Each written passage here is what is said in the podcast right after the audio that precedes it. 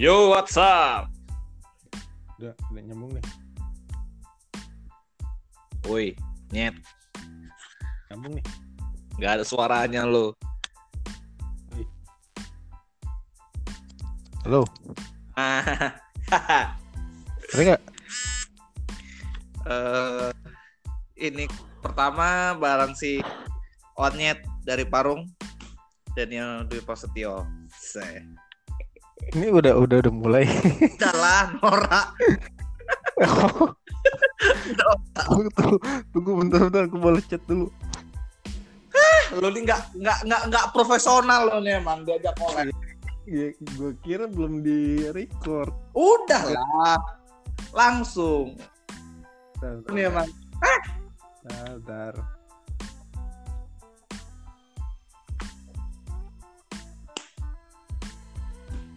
wait, ntar tinggal lo lu balasnya kayak, kayak punya pacar aja lu. Ya punya lah. Oh, cil. Oh, punya pacar sekarang. Wih, nggak tahu. Gosip terbaru, gosip terbaru. Eh, coba masih gue rahasiain siapa. Oh. Ya, ayo. Malam ini gue pengen ngomong. Eh, Maksudnya lu tentang- HP lu di ini dulu kali di silent getarannya kede- kedengeran getaran, getar. Oh, sorry, sorry, sorry, benar juga. ya. Kok jadi gue yang nggak pro ya? Oke, oke. Sekarang udah. Gembel. Eh, gini. Eh, menyikat menyikat COVID. Nah, lu kan sebagai eh apa gue sebutin lo jadi? Perawat nggak jadi, nggak jadi perawat. ya dua-dua itu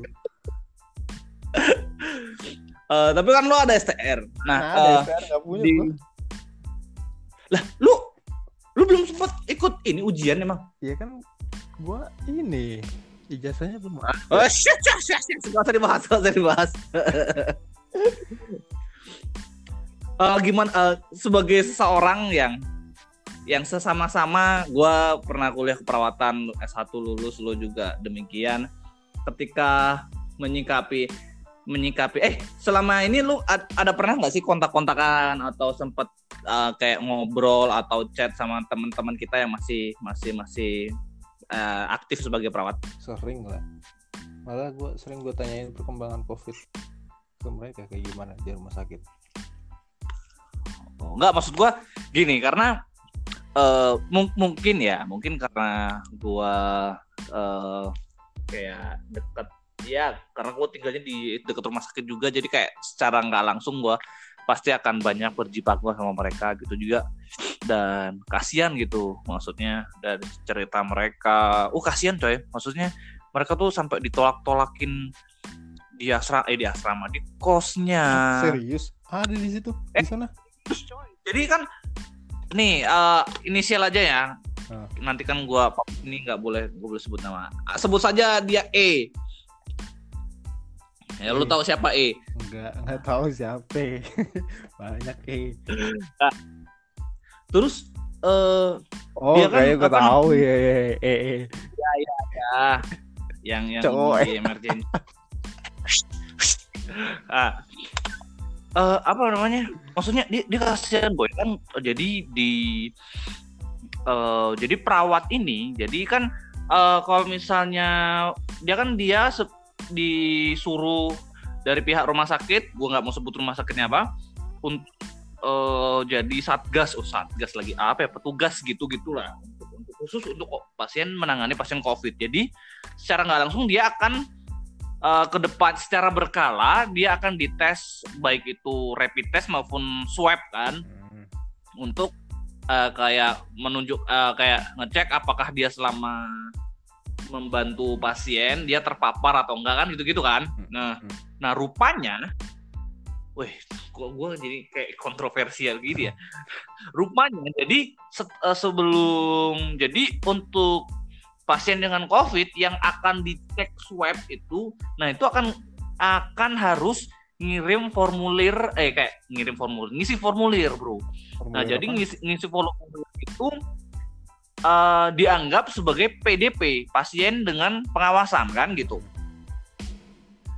Nah, uh, setiap orang yang mengisi form itu itu akan dilaporkan ke Dinkes. Nah, I don't know how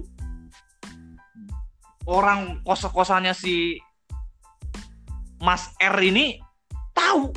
Gue juga nggak tahu tuh gimana. Jadi sampai bahkan dia di dia ini apa namanya kasihan gitu. Maksudnya sampai diomongin apa segala macam sampai marah loh si Mas R-nya ini. Kayak kan karena kan itu yang tahu itu kayak ibu-ibu bukan pemilik kos sih. Jadi kayak pengurus kos R gitu. ini siapa nih?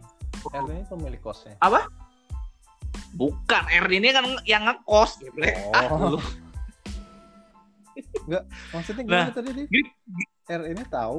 Jadi kan kan si R ini kan perawat emergensi oh. yang uh, jadi di satgas itu. Nah, kan uh, terus kayak uh, kalau pasien yang di swab itu harus ngisi formulir gitu yang nanti ini setiap orang yang di swab itu jatuhnya kayak PDP gitu nah setiap PDP kan uh, harus uh, uh, jadi orang yang form itu dianggap sebagai PDP nah jadi uh, dinkes itu jadi kayak form yang ditulis itu dilaporkan ke dinkes gitu nah jadi I don't know how bagaimana ceritanya data itu bisa bocor.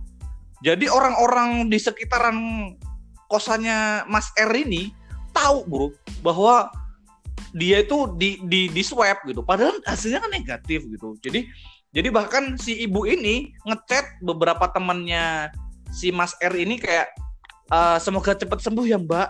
What the hell kan? Padahal dia kan di sana sebagai perawat, sebagai membantu kok. Dia nggak sebagai berpenyakit kan gitu oh marah-marah dong dong dia cerita ke gua kemarin kan terus kayak oh ini siapa nih maksudnya R ini si Mas R-nya cerita ke gua terus kayak kayak gua kan kayak uh emosi juga dong masa masa gila temen gua temen gue lo bantuin orang kok kok dianggap seperti ini? Eh pernah kan nggak nggak sih lo denger kayak uh, apa namanya bahkan sampai kayak uh, pernah dengar berita nggak bahwa kayak teman-teman perawat yang yang yang ditolak bahkan dilemparin batu lu waktu itu sempat ramai tuh di IG itu ya aku dilemparin batu?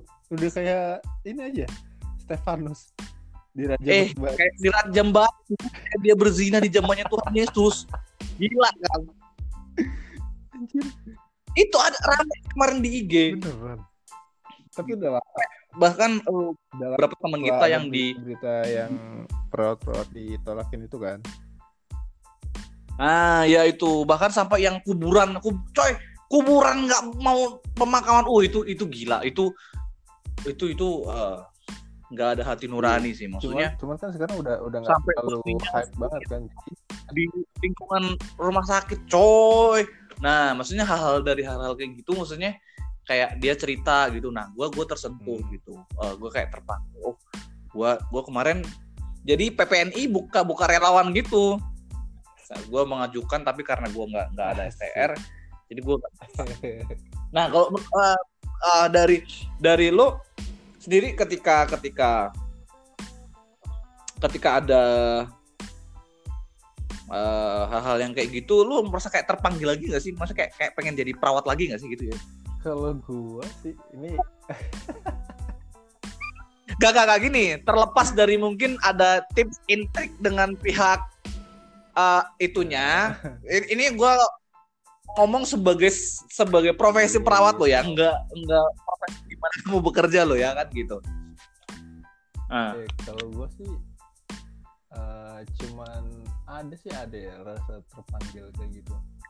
Cuman ya paling karena udah lama nggak berkecimpung di dunia situ ya paling cuman sekitar 20 persenan lah. Karena kan soalnya kan oh. gue udah udah lama nggak hmm. di situ udah nggak belajar belajar tentang ilmu ilmunya juga. Ya otomatis ya gue takut oh, karena mungkin, mungkin. membahayakan nanti pasien yang gue rawat dong Oh, oh mungkin mungkin itu bisa dilatar belakangi juga karena memang sekarang lo pekerjaannya memang bukan bukan uh, apa namanya memang bukan nggak terlibat di bidang kesehatan sama sekali dan mungkin bahkan uh, pergaulan yang sekarang lo nggak nggak lebih nggak banyak berterlibat dengan beberapa teman kita yang masih masih yang masih aktif di rumah sakit kali gitu kali ya gitu. jadi ilmunya kan nggak nggak udah lama nggak kan ya istilahnya udah udah kumpul lah Hmm. Kalau pisau nggak lama-lama nggak dipakai juga kan jadi kumpul Iya sih karena eh, apa profesi yang perawat itu Iya, bahaya juga apalagi juga. kalau nggak PR salah kasih obat, wah penjara kita coy. Iya ya wajar. Cuma cuma kayak eh denger-denger cerita kayak gitu gitu, kayak eh gimana ya? Naluri gua sebagai sesama manusia gitu, gua gua terbantu gitu. Bahkan kayak gua gua jadi tukang tensi dah nggak apa-apa dah. Yang penting gue kayak dikan diri eh serius gue sampai kayak gitu gitu. Makanya gue sampai eh, memberanikan diri coy ke PPNI jadi kayak kan kemarin kayak eh, ada beberapa teman yang posting bahwa eh, open open open buat relawan. Ya gitu gitu kan. Ya ya gue tahu bakal ditolak cuma paling enggak ah paling enggak gue gua harus coba nih biar biar biar hati gue tenang gitu. Wih coy gila. Kasihan loh maksudnya temen ya gue tahu lah gimana kerjanya dulu kan. Ya pernah pernah dinas juga sebagai seorang perawat. Kok dianggapnya seperti itu? Nah menurut lo kenapa? Masyarakat kok sampai antipatinya maksudnya kayak sampai kejadian yang ditolak di rumah sakit eh, yang sampai harus dikubur di rumah eh, lingkungan rumah sakit itu udah keterlaluan sih. Nah kalau menurut lo kira-kira kenapa tuh? Sebagai sebagai yang pernah di perang juga paling nggak kan tahu latar belakangnya gitu. Menurut lo kenapa? Kalau menurut gue sih karena ku- kurangnya ini ya apa eh, sosialisasi dari Sosialisasi dari? tentang penyakit ini. Karena gua gua kemarin-kemarin tuh kan baca eh nonton berita. Ada ada yang ditolak kayak gitu juga kasusnya sama dan mereka kebanyakan itu kan karena belum ada sosialisasi tuh tentang penyakit itu. Tapi setelah ada sosialisasi itu masyarakat itu jadi udah jadi menerima. Dan akhirnya perawat eh perawat apa sih? Dulu kemarin tuh yang ini yang sekolah mau dijadiin tempat isolasi. Nah setelah ada sosialisasi itu jadi masyarakatnya udah terima gitu sama Cuma- edukasi cuma juga sih kan. kan Eh, kalau misalnya memang di gitu sih eh, ya mungkin mungkin ada ah, ikut andil beberapa persen kan gitu. Cuma kan gini bro. Semua orang pakai sosmed coy. Hampir semua orang di Indonesia ini punya HP bin bin-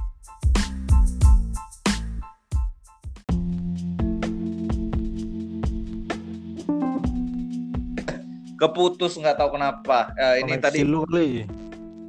Eh, nggak tahu juga sih. Mungkin kayaknya mungkin dari dari pihak eh, anchornya yang yang kayak ngebatasin atau nggak tahu juga gua.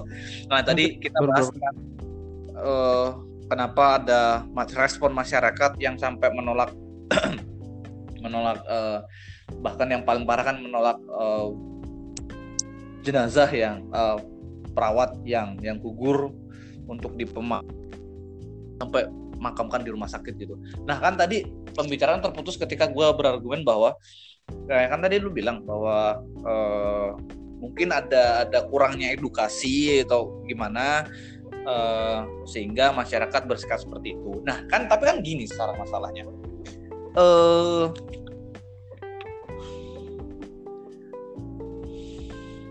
sekarang kan maksudnya eh gimana ya?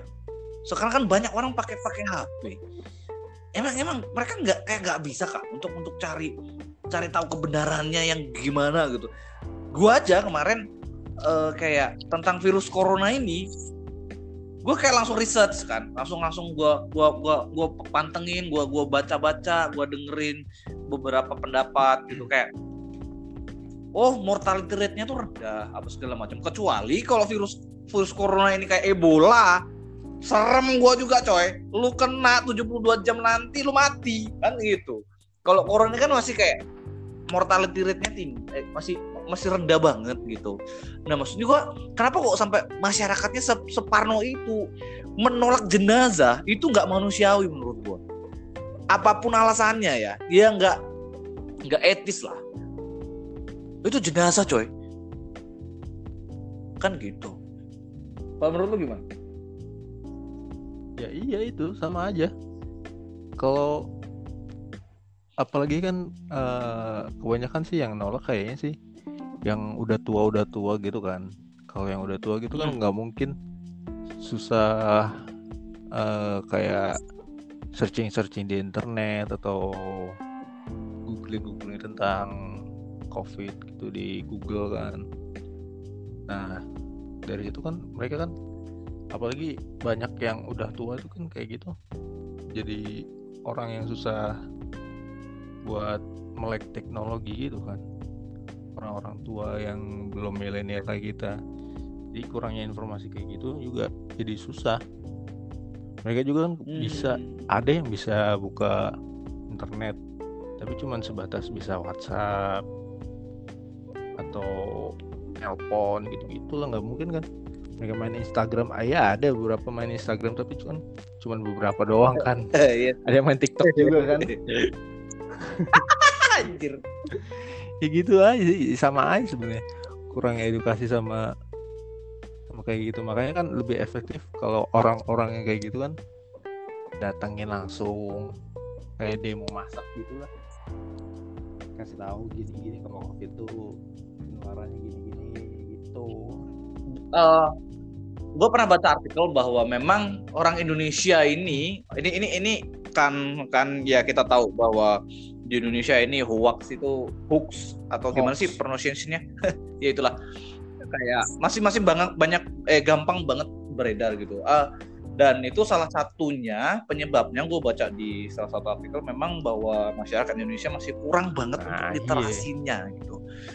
Uh, nah itu itu bisa nggak sih ya? Itu jadi salah satu faktor juga kali ya. Maksudnya kayak kalau kurang literasi kan paling nggak uh, masyarakat masih ya kalaupun memang mereka memiliki rasa ingin tahu searching ke Google cuma kan Google nggak bisa 100% bisa dipercaya bro. Apalagi yang blog dot eh. spot blog dot blog. Iya. gitu gitu kan. Apa karena kalau menurut lo dari pemberitaan TV Justru gimana masyarakat kita tuh ini menurut gue ya dari dari pantauan gue selama di rumah ini kebanyakan tuh dari mereka tuh apa ya jarang justru jarang nonton acara yang berita-berita kayak gitu. Justru yang berita-berita kayak gitu justru bagus buat nambah edukasi. Oh sebenarnya maksudnya berita yang yang sudah ditampilkan oleh media ma, uh, media masa eh media. apa sih jurnalistik mainstream memang, memang harusnya udah udah bisa membantu mengedukasi iya, masyarakat dengan baik lah ya. Uh, media udah sampein di berita-berita, tapi masyarakatnya itu jarang banget yang nonton berita. Tapi mereka tuh justru lebih mendingin kayak nonton sinetron lah atau apalah. Iya kebanyakan sih kayaknya kayak gitu ya. Malu ya, nonton sinetron nggak? sih keluarga gue tuh ya justru lebih mentingin berita-berita kayak gitu sih. Oh. Biasanya kalau Pak Pak coy gitu. Hmm, bagus lah. Iya sih. Ah, gini. Pertanyaan lagi nih, bagus. Uh, lu ngikutin kayak uh, perkembangan terkini gak sih? Maksudnya kayak ada beberapa uh, kontroversial yang bilang bahwa uh, memang virus ini ada, cuma virus ini direkayasa eh, bukan direkayasa ke keberadaannya keberadaan entah keberadaannya ataupun bahkan kayak virus ini memang dikontrol kemarin lu lu oleh... nonton gak sih yang di Kompas TV ada ini apa uh, konspirasi konspirasi Wahyudi. Yang, yang jerings yang ada uh, jerings jerings, jerings SID nah. Cuman gimana cuman, cuman dia tuh okay. apa ya? Talk about it. Uh, uh, dia bilang tuh kemarin sih yang ini yang berdasarkan yang gue tonton ya di Kompas TV ya di berita. Oke okay, oke. Okay. jadi dia tuh uh, dia bilang kalau misalkan pada kenyataannya di rumah sakit itu sebenarnya sepi. Jadi nggak ada sama sekali yang uh, pasien-pasien yang kena covid kayak gitu. Jadi data-data okay. yang ditampilin sama media sama wow, di mata sama gitu. WHO itu palsu. Jadi semuanya itu dikendalikan oh, di sama WHO gitu. iya. Jadi dia tuh nggak percaya sama sekali apa yang WHO omongin apa yang uh, media-media omongin gitu. Justru justru malah nggak nyambung bener sih. Maksudnya dia tuh nggak ngasih bukti kuat kalau misalkan ada konspirasi. Tapi dia justru malah kayak melang meleng ngalor ngidul ke mana-mana nggak jelas. Ini ketawa-ketawa gue nontonnya kak uh, iya gue juga ngikutin sih maksud gue mungkin dia begitu bisa jadi karena memang background dia sebagai anak pang kan gitu. Maksudnya ya anak pang kan selangean apa segala macam. Sehingga harusnya kalau kecuali kalau misalnya memang dia uh, mungkin latar belakangnya yang lebih serius dan uh, apa ya kayak pembawaannya mungkin sebenarnya udah udah cukup serius sih kalau gue bilang. Cuma kan memang uh, udah udah ya don't judge book by its cover cuma ya what the hell kita kita judge buku by its cover kan gitu. Memang udah udah dicapnya seperti itu. Kadang ada argumen-argumennya yang aku bilang gue nggak gue bukannya uh, setuju apa yang dia bilang ya terutama tentang kayak 5G yang bisa mendoktrin manusia melalui sinyalnya ke neurosaraf sehingga buat kita lapar apa segala macam. Gue juga pernah kayak, kayak nonton dia yang waktu sama iya, bininya di kolam renang apa segala macam itu dia beberapa yang tentang 5G sih. gitu kan. Maksudnya nggak 100% nah itu gue cuman hayalan dia aja. Ada beberapa beberapa persen yang emang benar masuk logika gitu. Nah ya memang memang hal kayak gitu mungkin gue agak nggak cuma kalau yang kayak uh, nggak tahu juga ya. Mungkin mungkin ini juga karena gue yang gue yang gue rasakan gitu kayak woi coy gila gue udah di rumah itu dari bulan ini bulan Mei. apa sih? Bulan Mei ya? Dari awal April kayaknya. Kenapa? Gue udah di rumah coy. Maksudnya kayak ya di kantor seperlunya. Udah nggak ada pameran lagi. Nah gue kayak merasa anjir. Gue kalau kayak gini bisa mati coy. Kan gitu. Gue udah kayak merasa udah lah. Gue pengen kerja lagi kan gitu. Nah, nah mungkin mungkin itu juga yang yang menurut men, melatar belakangnya kayak oh omongannya jering yang soal bahwa ya nggak usah takut harus kerja lagi itu itu itu yang menurut gue agak agak make sense. Cuma yang kayak yang lain-lain juga menurut gue nggak nggak nggak make sense juga nah sebenarnya kayak kayak kayak sekarang ini eh uh, apa psbb nggak nggak berjalan ya gue cuma uh, sebenarnya menurut lo gimana sih kita harus harusnya? Maksudnya ya kan lo ngerti juga tuh. Maksudnya lo kan pernah kuliah satu juga terus uh, maksudnya gimana gimana apanya uh, ngerti ngerti dikit. Juga uh, harusnya gimana sih kita kita maksudnya kita tet, menurut lo ini boleh nggak uh, kita aktivitas biasa tapi memang memang kita pakai new new new normal? Misalnya kayak jaga jarak pakai masker gitu. Ya ya perlu lah karena ya virusnya ini kan apalagi bisa uh, ada orang yang nggak bergejala tapi dia bisa menularkan kan wah ya ya benar-benar sekali itu tetap sekali. yang uh, apa aktivitas yang baru kayak gini yang physical distancing ini tetap harus diterapkan hmm. sampai ke vaksin. Ya. Nah, kalau misalnya vaksin itu dia juga termasuk salah satu orang yang kontroversial tuh. Maksudnya eh, eh, pernyataan kontroversial dia bahwa dia anti banget sama WHO dan karena WHO eh karena dia beranggap bahwa Bill Gates kontrol WHO dan Bill Gates bilang bahwa virusnya eh virusnya apa sih? Vaksinnya akan ada dalam waktu dekat dan itu itu yang bikin dia kayak bahwa virus ini memang dikontrol sama orang-orang tertentu yang mau jual vaksin kan gitu. Nggak tahu oh ya nih. Gue mau pengen pengen tanya satu hal. Kebijakan untuk nggak pulang kampung menurut lo gimana? Ya bagus lah. Cuman uh, uh, maksudnya ini ada 50-50 eh bentar bentar. Mik mikrofon lo agak deketin kayaknya suaranya jauh. belum. Nah nah. Kalau gue sih 50-50 ya.